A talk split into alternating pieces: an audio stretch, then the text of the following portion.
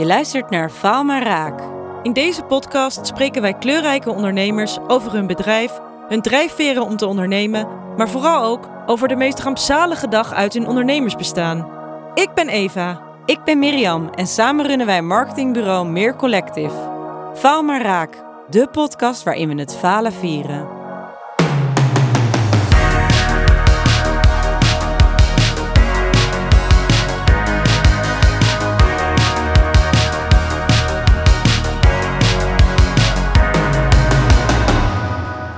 Ja, goedemiddag. Goedemiddag. Of morgen, maakt niet uit wanneer je luistert natuurlijk. En welkom weer bij Faal maar Raak. Heb je er zin in meer? Ja, ik heel erg. Ik ook. En onze gast, heeft onze gast er zin in?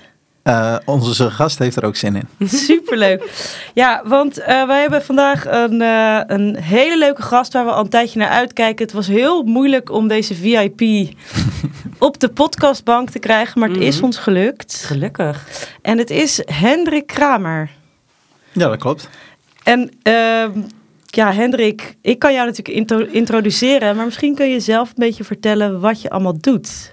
Wat ik doe? Uh, nou, ik ben dus Hendrik uh, Kramer. Ik, uh, ben de, ik ben visser. Dat doe ik vooral. En ehm, nou, daarnaast ben ik dus visser, ondernemer. Dus ik, ben, ik heb het familiebedrijf van mijn vader overgenomen. Dus dat doe ik vooral in de, in de tijd dat ik op zee ben, dan ben ik aan het vissen. En wanneer ik hier ben, ben ik aan het ondernemen. Leuk. En um, nou, dit vind ik zelf heel leuk ook om te vertellen, want jullie kenden elkaar eigenlijk al. Uh, waar kennen jullie nou elkaar van? Want jullie hebben nou, toch gedate? Ja, wij, wij hebben elkaar ooit ontmoet op een dating app. En dat was, uh, we hadden een hele leuke klik. Maar niet zo'n klik dat we iets met elkaar hebben gekregen. Maar we hebben denk ik wel altijd een, elkaar een heel warm hart toegedragen. Ja. ja. En wij wonen ook bij elkaar om de hoek, dus we komen elkaar heel vaak tegen. Ja, superleuk. Nou, ik, vond, ik, ik wilde dat natuurlijk even vertellen, hè. vond ik grappig. Even juicy details. Ja. Um, maar daar had jij dus ooit Hendrik ontmoet. En toen zei hij, ik ben met een visser aan het daten. En toen, ik ben heel benieuwd wat... Een visser kom je niet zo vaak tegen. Of in ieder geval ik helemaal niet. Hoe, jij hebt net al gezegd van ik ben in, de, in het familiebedrijf gestapt. Hoe ging dat dan? Wilde je dat altijd al doen? Stond het al op de planning? Uh, nou, niet altijd. Dat uh, is een beetje met komen en gaan ja. uh, gegaan. ik, ik, was, ik had heel veel last van zeeziekte. Mm -hmm. Dus in de weken dat ik daar mee was geweest, dan wilde ik het absoluut niet meer. En dan was ik weer thuis en was ik alles weer vergeten. Ja. Uh, maar ik ben er een beetje ingerold inderdaad. Dus vanuit een, vanuit een familiebedrijf. En wat je zegt klopt dus. Ik, uh, ik ben de enige visser die, uh, de enige visser die je kunt tegenkomen in Amsterdam. Want het is ja. een klein wereldje, dus ik ken iedereen. En dan vind ik altijd een leuk, leuk detail om erbij te vertellen dat Amsterdam dus meer vissers heeft dan Volendam. Namelijk oh, ja? één. Oh. Heeft Volendam helemaal geen Volendam vissers? heeft geen Noordzeevissers. Geen commerciële Noordzeevissers. Maar Nee? ze hebben wel gewoon vis. Ja, zij, zij zijn net wat slimmer. Zij verhandelen het vooral. Oh, wat, Oh, wat grappig. grappig. Nooit geweten. Had ik echt niet geloofd. Nee, van iemand dus eh. Amsterdam heeft meer vissers dan eh, Volendam. Maar jij bent, niet, jij bent niet zomaar een visser. Je bent een duurzame visser. Uh, dat klopt. Uh, ik ben dus op 19 jaar, uh, toen ik 19 jaar oud was, kwam ik op mijn vaders schip te varen. Mhm. Uh, en toen was ik één jaar aan boord en toen besloot mijn vader ermee te stoppen. Nou, toen was ik dus 20 uh, en ik had geen idee, ik snapte daar niks van. Mhm. Uh, maar hij besloot dus te stoppen en toen heb ik een, uh, een beetje een omzwerving gemaakt Ja. over de vloot heen. En heb ik in de offshore ook gewerkt. Ik heb, nou, ik heb een hele omzwerving gemaakt en toen kwam mijn vader op een gegeven moment bij me en die vroeg... Uh, Hendrik, wat wil jij eigenlijk? Wil jij nog een keer? Of moet ik echt schoon schip maken? En moet ik, uh, want het quota en de rechten en zo, dat had hij nog. Ja. Ja, En uh, want je moet bepaalde rechten hebben om te mogen om te vissen. mogen vissen. En Ah. toen, toen heb ik besloten, hey, ja, ik wil dit nog een keer, maar dan ga ik het anders doen. En toen Ja. hebben we het eigenlijk het hele bedrijf uh, ja, gericht op zo, met zo klein mogelijke footprint uh, toch vis vangen. Dus dat was een van de redenen waar, waardoor mijn vader op, toen ik 19 jaar oud was, ben gestopt. En uh, nou, hoe oud was ik daar? eh, 28 of zo, toen eh, heb ik besloten, oh, dan gaan we het anders Gaan we doen. het echt anders doen? Dus vandaar dat duurzame karakter. Dus eh, Ja. Ja. En hoe was dat voor jouw vader dan? Dat jij hè, hebt al jarenlang, ik weet niet hoe lang, maar ik denk wel heel lang dit bedrijf opgebouwd. Eh, hoe was het voor hem dat jij het over een hele andere boeg wilde gooien? Nou, op, de, op het moment dat eh, hij maakte eigenlijk die keuze voor me toen ik 19 jaar oud was. Hè? Ja, Want hij ja, zei ja. dus, ja Hendrik, ik kan jou eigenlijk niet met zo'n schip en zo'n bedrijf Nee. achterlaten. Nee.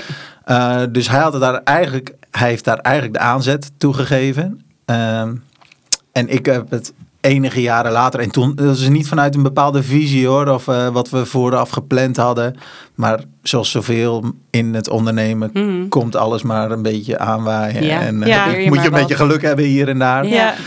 Ja. Ehm, ja, dus zo is dat gegroeid. Dus hij gaf de aanzet. Ik, ik snapte daar toen helemaal niks van. En ik was aan het huilen aan de tafel Ja. toen ik dus 19 of 20 jaar oud was. Ja. En ik zei, Logisch. Ja. je verkoopt eh, mijn schip onder mijn kont vandaan. Dat was natuurlijk helemaal niet mijn schip, maar dat, zo, Zo voelde voelde ik dat, dat. wel. Ik wilde dat be- familiebedrijf overnemen. Ja, en ja, hij besloot dus eigenlijk, nou dat gaan we niet doen. Want ik bedoel, ik was 20, wat weet je. En je Ja. had niet eens zeebenen. En ik had niet eens zeebenen. Zo'n hele wagenzieke, of eh, zeezieke schipper. ja, zeker. Nou ja, dat, eh, en dat gebeurt me nog wel eens hoor. Ja? Mhm. Maar, wat, maar moet je dan ook echt, eh, ja, dat is een beetje een zijsprongetje, maar moet je dan ook echt overgeven en zo? Of voel je gewoon een beetje weeg? Ik heb op eh, beide schepen al wel eh, overgegeven, ja. Oh, ja. Dus ik, heb, eh, ik ben eh, de eigenaar van twee elektrische vissersboten. Ja. En toen we in 2015 die eerste bouwden, de eerste trip naar buiten, toen moest ik dus echt, eh, echt uit het raam. En eh, ik dacht, oh, wat voor schip heb ik gebouwd? ik ben, hartstikke ziek. Eh, maar dat heeft dan meer te maken met dat ik, ik ben bij lang thuis geweest. Dan is het slecht Mhm. weer, dan moet je altijd weer even inslingeren. Ja, en, dat, en het feit dat het elektrische schepen zijn, dat is ook bijzonder, hè? Ja, dat is, nou ja, daardoor, oké, dus toen mijn vader op, een gegeven moment, op een gegeven moment weer bij mij kwam en Ja. zei, eh, wil je nog een keer? Ja. Toen ben ik er daar dus ingestapt en om inderdaad dus zo, met zo klein mogelijke footprint zoveel mogelijk vis te vangen, hebben we een elektrisch schip laten bouwen. Ja. Dat elektrisch voorgedreven wordt. Ja, want het idee dus om duurzaam te gaan vissen, kwam dat nou van jouw vader of van jou? Dat is me nou even niet duidelijk. Nou, dat begon eigenlijk. Ik was dus een hele omzwerving over Ja. de vloot op maken nadat mijn vader gestopt was met zijn bedrijf. Ja. Eh, ik heb toen allerlei verschillende soorten visserij gedaan. Dus Mhm. fly shoot, trollen, eh, met van die kooitjes. Eh, heb je Delhi's Catch wel eens gezien? Ja? Nou, dat zijn dan die hele grote kooien. Ja. Dat deden wij eigenlijk, maar dan in het klein, met krabbetjes. Oh, grappig. Nou, dat was heel, dat was voor mij, dat was heel iets anders. Want ik was dus altijd gewend om met veel geweld en veel snelheid achter die vis aan te jagen. Ja, ja. En toen zette ik een paar kooien in zee. En Ging ik naar huis. Ja. En dan kwam ik weer terug en dan zaten die vol. Dus dat was heel Ah, anders. Ja. Eh, en ten, op, op een gegeven moment was er zo weinig te verdienen in de visserij, want het ging heel slecht. En de brandstofprijzen Mm. waren hoog. Toen heb ik een overstapje gemaakt naar de offshore. Dus toen bouwde ik aan windmolens. Oh, Oh ja, oké. En toen ik dat deed, deed ik tegelijkertijd de Sfin Academie, Slow, de Slow Food Youth Network. Ja. Eh, en daar is mijn passie voor duurzaamheid, maar ook voor het stukje vis eigenlijk weer tot Ah. leven gekomen. Want ik dacht, hé, hey, deze mensen, dat waren allemaal foodies. Ja, ja. En ik werd zelf ook ondergedompeld in ons voedselsysteem. En ik zag Ja. dus hoe, hoe mis, Slecht- ja, hoe hoe slecht, hoe, ging, ja. ja, hoe bedenkelijk dat eigenlijk is. Ik was ook nog nooit in een varkensstal geweest. Nee. Maar ik kwam er daar dus achter, oh wacht, het enige echte eten dat je nog kunt eten, dat, dat heb ik altijd gedaan. Dat heeft mijn familie altijd gedaan. Ja. Ja. tenzij je een eend uit de lucht schiet. Maar voor de rest wordt al ons eten onder een lamp of in een Mhm. stal, wordt dat groot. Ja. Dus, en daar werd, groeit dus ook mijn passie voor duurzaamheid. Ik denk, oh, we moeten het anders doen. We zijn deze wereld naar de knop aan het helpen. En Ja. toen, op dat moment, dus eigenlijk kwam Ah, alles nu weer een beetje bij elkaar. Ja. Dus je kon eigenlijk beide werelden een beetje combineren. Je bent er heel even uitgestapt. Je bent die studie gaan doen. Toen heb je echt een beetje die interesse voor duurzaamheid en eten ontwikkeld. En je had natuurlijk die visserij van, hè, van jongs af aan meegekregen. En die werelden ben je toen gaan combineren eigenlijk. Ja, ik zit heel druk ja te knikken, maar ik begrijp dat je dat niet meekrijgt in Nee. de microfoon. Niemand ziet dat. ja, dus dit klopt. deze. Deze, eh, uiteenzetting klopt, ja. Wat cool, wat leuk eigenlijk. Wat goed dat je er dan ook even uitgestapt bent. Want anders was je hier misschien niet... Of even iets anders ook bent gaan doen. Anders was je hier misschien helemaal niet ik ben eh, achteraf komen. zo vaak zo blij geweest dat mijn vader toen die beslissing Ja, heeft gemaakt. Ja, ja, ja, Want anders had je het altijd, was je het altijd op de oude manier blijven doen. En dat is denk ik ook waarom innovatie misschien juist in tradities of familiebedrijven slecht altijd vaak uitblijft. Omdat mensen het altijd op de, op de oude manier blijven doen. Ja, en je hebt dus altijd heel veel oude bagage dus nog bij je. Van Ja. hoe het altijd Mhm. is gegaan. Ja, dat klopt. Ja. En hoe wordt er naar, want jij komt uit Urk, van Urk, op Urk, in Urk. Ik weet dit zelf. Jij bent, de jij bent, de, Onder taal, eh, jij bent de taalknobbel hier, hè? Jij zou dit moeten weten. Ja, ik dacht dat jullie een bepaalde manier hadden van dat Van zeggen. Urk. Nou, ja, volgens mij van Urk, ja. Oh ja, Ik kom uit, nou, of uit Urk. ik zou zeggen uit. uit, maar is het geen eiland? Het is geen. Nee, het is geen eiland Oh, nee. meer. Het Ah, is, een, is het het is ingepolderd. Het is ingepolderd. Maar we zeggen nog wel, we zeggen nog wel steeds op Urk, ja. Ja, op Urk. En, maar ik kan me ook voorstellen dat het daar ook best wel een nieuw concept was. Er zijn natuurlijk veel vissers. Het is wel echt eh, een dorp met meer dan één visser. ja, dat klopt. Ehm, hoe, hoe werd er tegen aangekeken vanuit die community? Nou, het schip is dus eh, is, is een geheel Nederlands product. Dus het is in eh, Rotterdam is, het, is de kiel gelegd en het casco gebouwd. En vervolgens is het op Urk eh, afgebouwd. Mhm. En toen hij dus voor het eerst het casco in de Urkerhaven kwam... toen zaten mensen wel te kijken van... dat is toch geen kotter? En, eh, Wat is een kotter? een, een viskotter. Dus een, eh, een, een visserschip. Ja, ik weet het wel, maar ik vraag het even voor de luisteraar.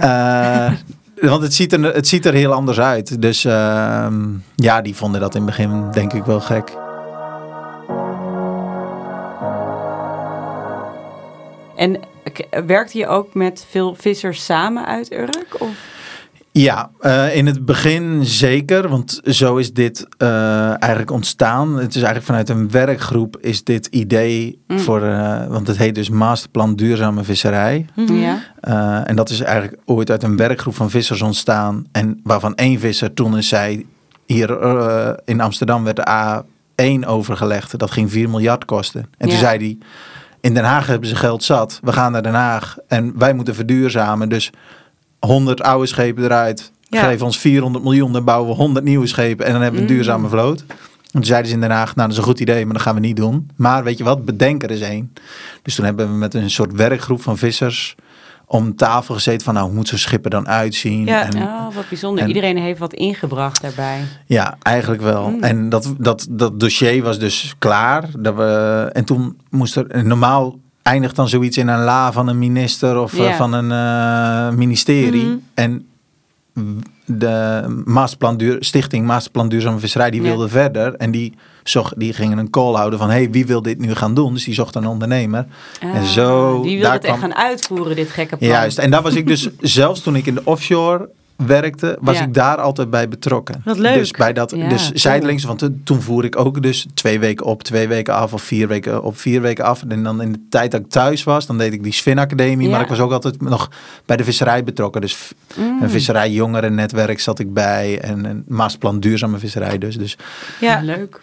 en nu, je hebt nu inmiddels twee schepen. ja, En, ehm, maar die varen niet tegelijkertijd. Dat wissel je af of zo. Of, want Nou. ik weet, je bent een week op zee en dan ben je weer een week in Amsterdam. Hè, want je woont eh, natuurlijk bij mij om de hoek in de pijp. Maar eh, hoe ziet dat er nou uit? Wissel je dan af op welk schip je bent? Of? Nou, over het algemeen, of dat heb ik zeker in het begin wel gedaan. Dus dan probeer ik iedere andere week dus op één van beide schepen eh, aanwezig te zijn. Ja. Maar in de regel ben ik nu het meest op de MDV2. Dus dat is de nieuwste, die is in 2019 gebouwd. Ehm, dus ik ben een week echt aan boord en dan werk ik in mijn bedrijf. En ik ben dan een week thuis en dan werk ik zeg maar aan mijn bedrijf. Ja. En hoe ziet dat er dan uit, het aan je bedrijf werken? Wat voor Veel dingen koffietjes doe je? Ja. eh, om de hoek bij jou. Ja. Eh, maar eh, hoe ziet dat eruit? Nou, dan sta ik bijvoorbeeld één keer in de maand sta ik op de Zuidermarkt. Dan sta ik mijn vis te verkopen. Ehm, ja, en dan ga ik allerlei... ehm, ik, ik draai allerlei verschillende projecten Ja. eh, om nog verder te verduurzamen. Want ik dacht toen de tijd, oh wacht, dan eh, bouw ik een nieuw schip. 80% minder CO2-uitstoot en dan ben ik duurzaam. Ja. En toen was dat schip klaar en toen kwam het ene, de ene duurzaamheidsuitdaging naar de andere kwam om de hoek kijken. En mensen die me op mijn rug tikten, die zeiden van, oh, als jij zo'n duurzame visser bent, wat doe je dan op Het gebied van... Nou, je kan het zo gek niet Ah, opnoemen. ja. Dus daar, dat zijn dan verschillende projecten waar ik nog steeds op Maar dat lijkt me ook wel een moeilijke discussie soms. Want het kan altijd beter, natuurlijk. Ja. Ja. Maar je bent er langzaam je bent er gewoon aan het, mee aan het werk om te kijken wat kan wel en wat kan niet. Het kan ook niet allemaal in één keer, lijkt me. Het heeft ook wat onderzoek nodig, investeringen. Dus ja. Ja. dat is ook heel logisch dat je, dat, dat niet in één keer 100% en 100% duurzaam kan überhaupt niet, lijkt mij. Nee, Nee, want je leven is ook vervuilend. ja, ademen. Ademen is ook vervuilend. Maar ja, waar ik nog benieuwd naar was, want jij was 25 dat je echt, of misschien 28, 28. sorry, Ja, dat je echt 28 dat bedrijf eh, eh, startte, hè, dat nie- die nieuwe van overnam.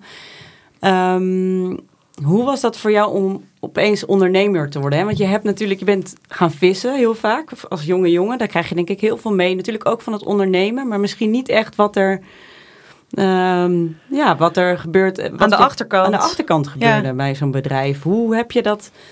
Hoe heb je dat, zelf, heb je dat jezelf aangeleerd? Heb je met je vader heel veel avonden gezeten? Andere ondernemers gesproken? Boekhouding, dat soort shit. Hoe, kwam je, hoe moest je dat allemaal... Het is best wel veel opeens, lijkt me. Ja, inderdaad. Dat is eh, heel veel. Ehm, ik vond dat dus ook heel spannend. En zeker de- toen ik dat net ging doen. Nou, ik, ik sliep met een financiering op mijn nachtkastje. En dan, dan kon ik s'nachts nog wel eens naar kijken, bijvoorbeeld. Eh, en inderdaad, dit zeg ik wel eens tegen vrienden. Eigenlijk moet je zo zien. Ik heb een, zeg maar een rijbewijs gehaald. Een vaarbewijs. Ik ben, Mhm. ik ben visser. Maar Mhm. vervolgens moet je een bedrijf leiden. Ja, en moet precies. je inderdaad een... eh, eh, met een financiering aan de gang en een prognose voor de komende drie jaar. Je en, moet salarissen uitbetalen. Inderdaad, dus dat stukje boekhouding. Dus het had voor mij niet verkeerd geweest wanneer ik iets van een bedrijfskundige studie of zo Ja. had gedaan. Maar dat, Ja. eh, ik zit ieder jaar weer bij de boekhouder en dan vraag ik nog wel eens, dit heb je vorige keer ook uitgelegd, maar kun je nog eens een keer zeggen wat, wat dit ook weer is? Dus ja, dat, dat leer je van de straat. ja, je bent echt een autodidact. Je hebt het heel veel zelf eh, Ja. geleerd. En misschien ook een beetje soms door schade en schande. Eh, heel veel door schade Ja. en schande, ja. Daar komen we nog. Ja, want wat zijn de momenten eh, dat, je, ja, dat je wakker wordt, dat je denkt, ik ben echt zo blij dat ik ondernemer ben. En ook met de onderneming die ik heb. Wat zijn de leukste momenten op jouw dag? Eh, dat hebben, we is- niet, hebben we het niet over je vrije dag. Nee. Nee, dan is het toch wel de- wanneer ik, eh, nou, wanneer ik op zee ben en Mhm. we vallen in een mooi visserijtje, zoals ik dat noem. Dus ehm, eh, zoals we dat noemen. Dus wanneer je de netten dan weer boven haalt en het is lekker weer, eh, Ja. eh, gaat er heel goed bij. Maar je bent op zee en je ligt Mhm. alleen, dat is ook altijd heel lekker.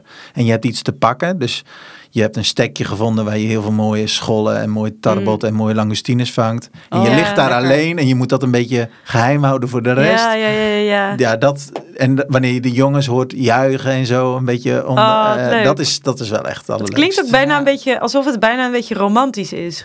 Zo'n moment. Ja, dat is het ook wel, denk ja, ik. Met een, met een, ja, gewoon een soort geheimpje en een bepaalde sfeer en een hele mooie omgeving. Ja. Ja. en dat je buiten bent, dat lijkt me ook Ja. zo lekker. Je En bent dat- echt bezig. Je, het is heel anders dan wat wij doen, waarbij we of met klanten zitten, wat heel leuk is, maar ook heel veel binnen. Nou, achter. altijd, altijd prikkels ook. Precies, en, en jij bent gewoon in de natuur en met de natuur bezig. En ik denk dat dat ook wel heel erg, eh, ik wil een heel stom Engels woord fulfilling, maar dat ga ik niet doen, heel erg eh, bevredigend kan zijn. Ja, voldoening. Ja, geeft. voldoening kan geven. Ja, en ik vind dan dus het lekkere daaraan, moet ik wel zeggen, dat ik, dat ik het beste van twee werelden heb. Dus ik ben een week op zee en dan ben ik zeg maar in de natuur en best wel alleen. Dan zit ik alleen boven in de brug. Of, Ja. Ja. eh, en, maar aan de andere kant ben ik ook wel een heel erg eh, extravert persoon. En, en laat ik op van mensen en van... Dus Ja. dat ik de andere week dat contact heb met een ministerie, maar ook met Wageningen, Marine Research en noem maar op. Ja, Al dat soort mensen. mensen in gesprek Eh, bent. maar ook op de markt, wat er dus nu bijvoorbeeld bij hoort. Ja. Eh, nou, ik moet zeggen, dat is dus nu bijgekomen. En zo'n dagje op de markt, daar, daar laat ik ook van op. en op welke Superleuk. markt saai, hè? Ik sta iedere laatste zaterdag van de maand op de Zuidermarkt. En dat is, ja, ik vind dat zelf eigenlijk wel de leukste stadsmarkt van Amsterdam. Die zit in Amsterdam-Zuid. Ja, achter het concertgebouw. Leuk. Eh, dat is Oh, een heel klein Wat marktje. grappig. Eh, en nou, ik, ik had niet geloofd dat ik dat zo leuk zou vinden. Ja, dus eh, daar, daar laat ik ook wel echt van op. Ja. Daar- maar dat hoort dan eigenlijk bij mijn week hier. Dus bij mijn week vrij, zoals je dat net Maar noemde. vrij is dat ook niet te Vrij noemen dan. Ja, dan ben ik eigenlijk nooit vrij. Nee. Kan ik heel eerlijk zeggen. Ja. Maar je houdt wel ook, dat zie ik ook altijd op jouw eh, social media. Je bent ook altijd lekker aan het eten met mensen. En Dat hoort bij mijn werk, hè? ja, ja, ja, dat. Lekker visje. Vaak zie ik lekker eten voorbij komen. Ja, en ik kan zelf helemaal niet zo goed koken, hoor. Oh, maar jij neemt gewoon de vis mee en dan gaan anderen het voor je maken. Nou, en vis is heel makkelijk koken. Zeker wanneer het zo vers is als dat Ja. ik het natuurlijk heb. Dan, Oh, dan is het zo makkelijk. En dat zeg ik op de markt ook altijd. Wanneer mensen voorbij komen die zeggen... Oh, maar ik lust helemaal geen vis. Dan zeg ik, oh, dat komt goed uit. Kom maar even. Oh ja. en dan, want dat is, ja, dat is niet te beschrijven hoe lekker dat is.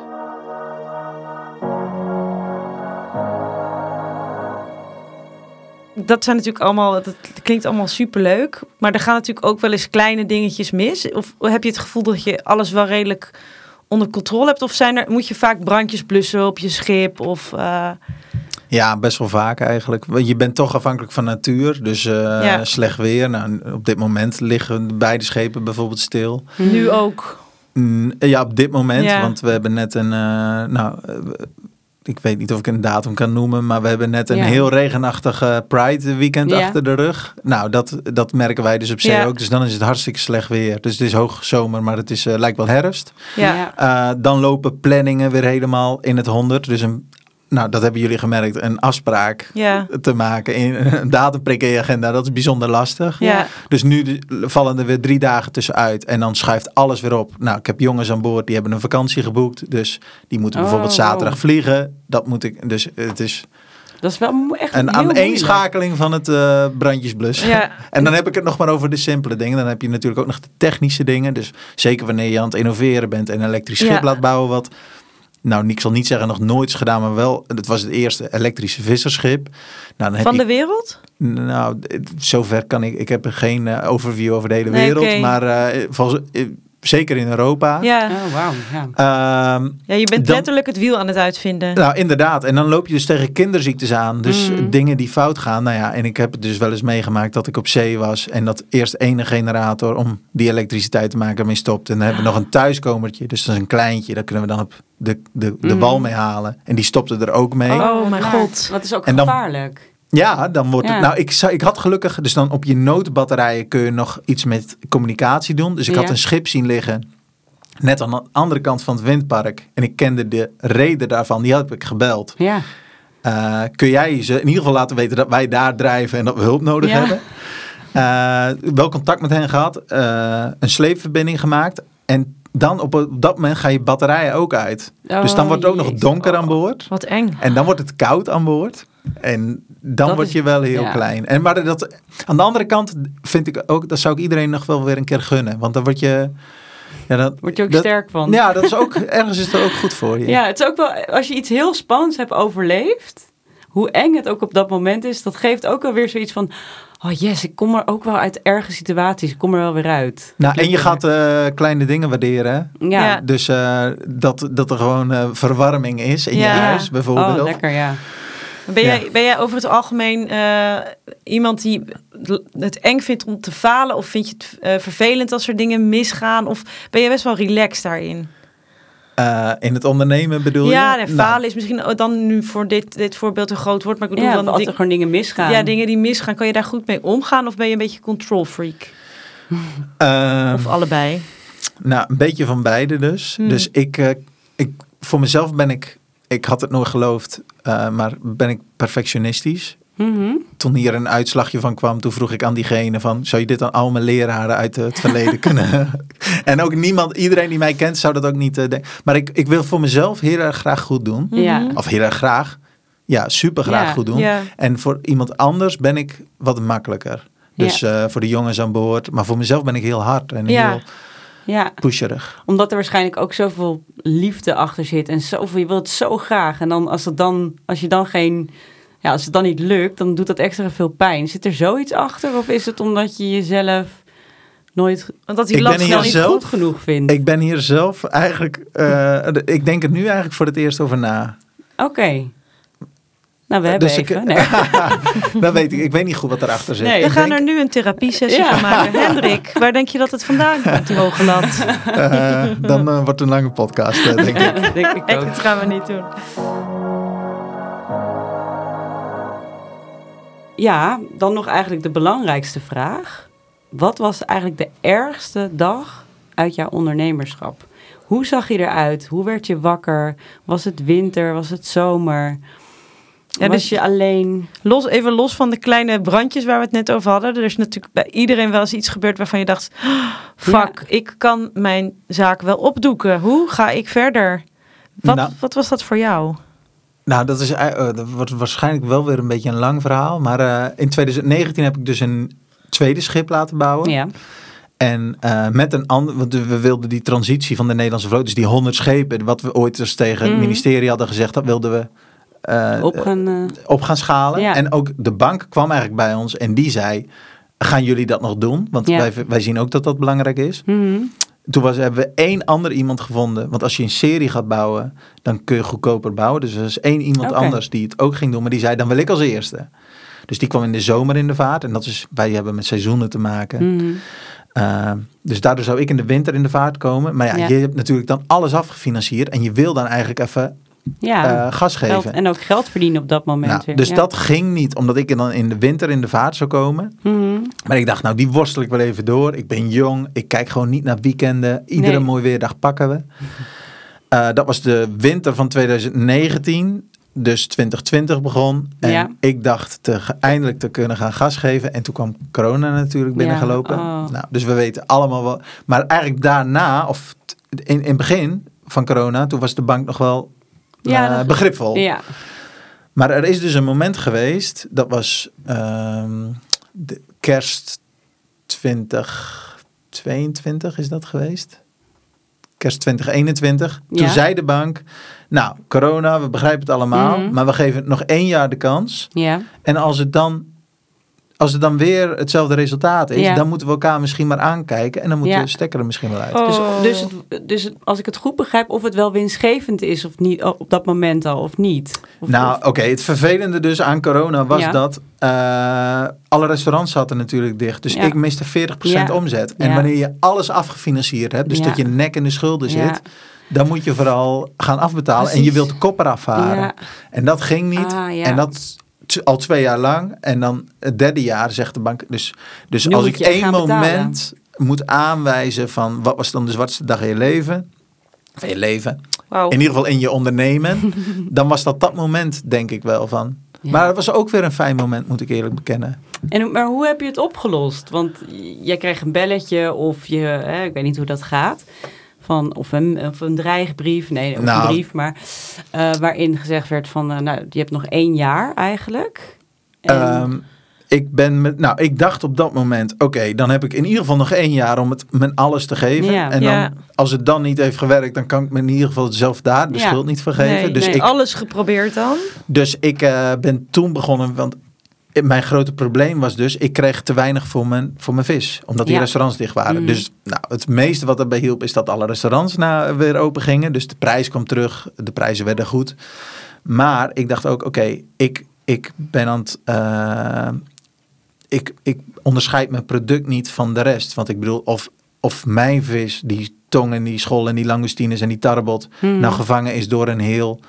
Eh, eh, CO2-zwaar schip of door mij. Op de veiling valt dat verhaal weg. Want die. Volendammers, eh, eh, oké, ik wil niet iedereen overeenken, maar de, de, de uiteindelijke viskoper, die wil vooral geld verdienen aan die vis. Ja. En het is natuurlijk, het, ze lijken allemaal op elkaar. Ja. Hier, er zit niet een groen stickertje op. nee, Dus dat was mijn probleem. En van daaruit ben ik, dacht ik, oké, ik, moet die, ik moet die keten verkorten. Ik moet mijn verhaal zichtbaar maken. Ja. Ja. En toen ben ik dus begonnen met die Zuidermarkt. ja. Maar ook eh, eh, supermarkten leveren. Nou, landmarkt in eh, Schellingwoude. Ja. Dus in Oh ja, Amsterdam-Noord. leuk. die Ja. hebben mijn vis nu liggen. Eh, ik heb bepaalde eh, chefs benaderd vanuit mijn tijd bij de, van de Sven Academie. Dus je hoorde bij de Dijk van Rijks bijvoorbeeld. Oh, wat leuk. Ehm, die van, hey, ga met mij, willen jullie met mijn vis gaan werken? Want Dus je hebt de middleman er eigenlijk uitgehaald ook. Ja. En jij, jij bent ook natuurlijk, jij kan het, je hebt een grote gunfactor. En eh, je hebt heel lekkere vis, dus dat werkt dan natuurlijk beter. Ja. Je hebt echt een beetje een personal brand opgebouwd. Dus vanuit waar je eh, vaak bij een visserij, of in ieder geval de mensen daarachter niet zo vaak ziet, eh, leren de, eh, de afkopers echt jou kennen ook. Dus of het nou op de markt is of een restauranteigenaar. En ik denk dat dat ook wel heel slim is. Dat je echt in die zin je eigen merk hebt kunnen neerzetten. Ja, en dat gaat natuurlijk al snel wanneer je de enige visser van Amsterdam bent. Dan Ja. heb je een, me- een mega USP te pakken natuurlijk. En Ja. wanneer je het product dan zoveel beter is, ja, Ja. dan... da- eh, en je kan het dus nog voor eenzelfde of eigenlijk een goedkopere prijs En aanbieden. duurzaam. En duurzaam gevangen. Ja, Dus, eh, nou, en dat En is ook hebt- wel frustrerend. Dat je denkt, oké, dit lijkt zo makkelijk. Dit lijkt zo'n inkoppertje. Waarom, waarom is het dan zo moeilijk? En waarom is het dan zo'n lange weg? Dat, Ja. dat kan ook wel eens een beetje frustrerend zijn. ja, dat snap ik. Maar wat, je, wat jij volgens mij ook wel mee hebt, is dat je... Ja, je hebt een goed verhaal, je bent fotogeniek. In die zin heb, krijg je ook altijd wel veel media-aandacht. Nou, dat heeft zeker geholpen in die tijd. Dus dat ik in het jaar mijn alles ging geven. Dus ik heb toen een crowdfunding ben ik gestart. Ja. Eh, want ik dacht, ja, ik moet, eh, ik moet met kerst moet ik iets, eh, iets kunnen laten zien aan de Ja. bank wat potentie heeft. En aan de Mhm. andere kant dacht ik, als ze dan de stekker eruit trekken, dan ligt die. Dus ik heb met een crowdfunding heb ik het schip afgelopen kerst naar Amsterdam toe gehaald. Toen dacht ik, als ze dan de stekker eruit trekken, dan zeg ik, nou hier zijn de sleutels. Daar ligt die, succes ermee. Ja, Ehm, maar dat heeft, ge- dan heeft, goed- dat heeft goed gewerkt. En door die crowdfunding, nou toen kwam bijvoorbeeld eh, Pointer van de KRO, die Mhm. gingen met een item aan de gang. Nou, die hebben het heel mooi in beeld gebracht. Mm, Wat mijn probleem dus is. Dat soort dingen helpen dan enorm. ja. Ja, Dus eigenlijk heeft het uiteindelijk ook weer heel veel gebracht dat je weer anders bent gaan ondernemen. je moest weer innoveren op een ander vlak. Ja, en er, eh, er zitten helaas niet meer uren in een dag om, eh, om er allemaal dingen weer bij te gaan doen. Maar eh, ja, dat maakt het, wel, maakt het wel heel leuk. En je ontdekt nieuwe dingen eh, die ook erg goed liggen. Ja. Dus, En het lijkt me ook leuker eigenlijk om die middelman eruit te hebben. Ik, ik, ik snap dat daar ook wel heel veel haken en ogen aan vastzitten. Maar het lijkt me ook leuk om met die restauranteigenaren te praten. En met die mensen op de markt. nou, en, absoluut. Want eh, dat is eigenlijk het vervelende. Die vis die ik ving, die Ja. ging altijd... De aan, ik had geen idee waar dat bleef. Nee. Ergens de anonimiteit in. En wat ik dus vroeger, dat gevoel van vroeger... Toen ik op mijn vaders schip aan het werk was... Dan kwam er een mooi scholletje langs of een mooie, mooie tong. Dan Ja. dacht ik, oh, deze is voor de buurman. Oh, deze ja. is voor opa. En nu Ah. heb ik datzelfde weer. Dat die mensen komen naar de markt... En dan weet ik wie mijn langoustines eet. Oh, en de ja. andere keer krijg ik dat weer terug van... Oh, ze waren zo lekker. Oh, nou ja, en Of welk restaurant dat eh, dan heeft ge- eh, gekregen of eh, Precies. gekocht. Ja. En dat ik tegen mensen kan zeggen, want als mensen dus zeggen van, oh, waar kan ik je vis dan krijgen? En dat ik nu kan zeggen, oh, ga eens naar Rijks. Of Ja. ga eens naar Contrast. Oh, Of, leuk. ja, dus leuk. leuk. Geweldig. En we hebben dat, ja, wat ons nog eventjes naar het laatste rubriekje brengt, is wat ik denk, jij hebt heel erg veel ervaring. Je hebt heel veel verschillende ge- dingen geprobeerd. Jij bent denk ik, ja, je bent wel echt de definitie van een ondernemer. Het- Je bent Ja. niet een ZZP'er die eh, op freelance basis iets is gaan doen. En daar niks ten nadele da- daarvan, want eh, zo zijn we allemaal, heel veel mensen begonnen. Ehm, maar jij hebt het echt heel groot aangepakt. Dus waar we heel benieuwd naar zijn, en dit is een heel erg lang verhaal om ons naar de la- de laatste rubriek te krijgen, namelijk het gouden ei. Het gouden ei. Wat voor advies zou jij eh, ondernemers, startende ondernemers, of misschien ondernemers die al bezig zijn langere tijd, willen meegeven? Wat is nou iets waarvan je denkt, dat is echt een goede om altijd aan vast te houden? Nou ja, zeker beginnende ondernemers, dan zou ik vooral zeggen, begin vooral. Ja. Mhm. Want ik denk dat dat de grootste drempel is. We kunnen nog zo lang over, weet ik veel, een bedrijf en over al dat geneuzel kunnen we Ja. eigenlijk heel lang doen. Hmm. Maar echt begin. ja. En daaraan vast hoort eigenlijk, en die is eigenlijk ook voor mezelf, focus. Dus Focus. eh, ik denk dat, het, dat dat het gevaar is, in ieder geval waar ik zelf in geval in kan vallen. Dat ik Mhm. aan allerlei dingen begin te trekken en dan schiet het niet op. Dus Te- dat je te veel tegelijk doet, bedoel je? ja, dus, dus en, en de markt en consumenten en een visbox. En dus als je Ja. allerlei... Dus je hebt eigenlijk juist focus nodig. Dus waar haal je je meeste Winst uit of plezier. eh, omzet uit? Ja. Focus je daar vooral op. En ga dan er een beetje andere dingen bij verkennen. En, maar begin daar wel mee. Vooral begin. Dat is denk ik heel belangrijk. Of tenminste, ja, dat, zou, dat advies zou ik... Goeie iedereen willen geven. eh, Wacht niet langer. Begin, en heel klein hè, maar begin vooral. Want dan ben je Ja. bezig en dan wordt het al gaandeweg duidelijk, denk ik. Ja, hele ja, mooie tip. mooi. Dankjewel. Nou, ik denk dat we er al eh, dat we er zijn. Ja, we hebben eigenlijk alles wel gevraagd, denk ik. Ik vond het in elk geval een heel erg eh, leuk gesprek. Ik ook. En als jullie ehm, de enige visser van Amsterdam willen ontmoeten in real life, dan moeten jullie naar de Zuidermarkt komen. Ja. Elke laatste. Laatste zaterdag van de maand. Want daar staat hij. En wat voor vis verkoop je daar meestal? Nou, wat we vangen, dus dat is altijd een dwarsdoorsnede. Dus eh, nu in het zomerseizoen zijn dat langustines. En dan de bijvangst is bijvoorbeeld tarbot en school en tong en nou, wat, er, eh, wat erbij komt. Maar hoofdzakelijk nu langustines en dan straks is dat weer inktvis. En zo door de, het jaar heen vangen we van allerlei verschillende dingen. En kakelvers allemaal, hè? Ja, dus van de laatste vangst, dat hou ik apart voor de markt. Dus dat Mhm. is echt, spa- echt da- één dag oud. Ja. Eh, nou, en dat proef je. Oh, ga wat erheen. heerlijk. Ja, we Ik gaan ga erheen. erheen. En je hebt ook nog een, een website. Er is ook een website. Eh, gelukkig hoef ik dat, eh, daar houden anderen zich een beetje mee bezig. Maar eh, er is een website. Want, de, Want daar kan je ook visboxen bestellen, toch? Nou, op dit moment niet meer. Maar dat was inderdaad die crowdfunding die ik heb gedaan. kon je daar een visbox bestellen. Dus met kerst kon hebben... Er waren ongeveer 200 mensen hebben een visbox opgehaald. En daar Mhm. hebben 25 mensen in Amsterdam hebben nu een maandelijks abonnement. Ah, wat leuk. Dus die krijgen een visbox thuis. Maar dat was eigenlijk, nou, wat ik eerder dus ook die tip al gaf. Ik, ik had dat idee en ik dacht, nou, ik ga het maar gewoon proberen en doen. Ja. Ja, Dus dat doe ik nu. Het hele, moet ik dus het hele jaar nog doen. Maar ik weet niet of ik dat vol kan houden of daar straks mee verder ga. Ja, dan Ja. moet ik het opschalen. Dus die afweging zit daar nog in. Mhm. dat is weer een Ah. nieuwe keuze. Ja, dus, dus zo experimenteer ik een beetje van wat werkt, wat niet. Waar zitten de Ja, haken Leuk en ogen. Ja. heel leuk. Nou, maar om een indruk te krijgen kan je wel naar wildenzilt.nl gaan, toch? Inderdaad. En op. Instagram natuurlijk. Wild en zilt. En dan is het dus, ja, het is een beetje gek geschreven. Het is dus wild en dan eh, apostrof N en dan Ja. zilt. Dus het is zonder de E. Ja, dus volg dat op Instagram. Dat is superleuk. En eh, ja, heel erg bedankt voor dit gesprek. ja, Graag gedaan. bedankt. Hoe vond je dat het ging? Eh, goed. Ja, want je zei, ik, ik ga misschien heel erg uitweiden. Ja, ik, dat was, daar was ik bang voor. Maar jullie hebben me goed kort We gehouden. hebben jou in toom gehouden. Goed zo. Dankjewel. Nou, doei. Doei!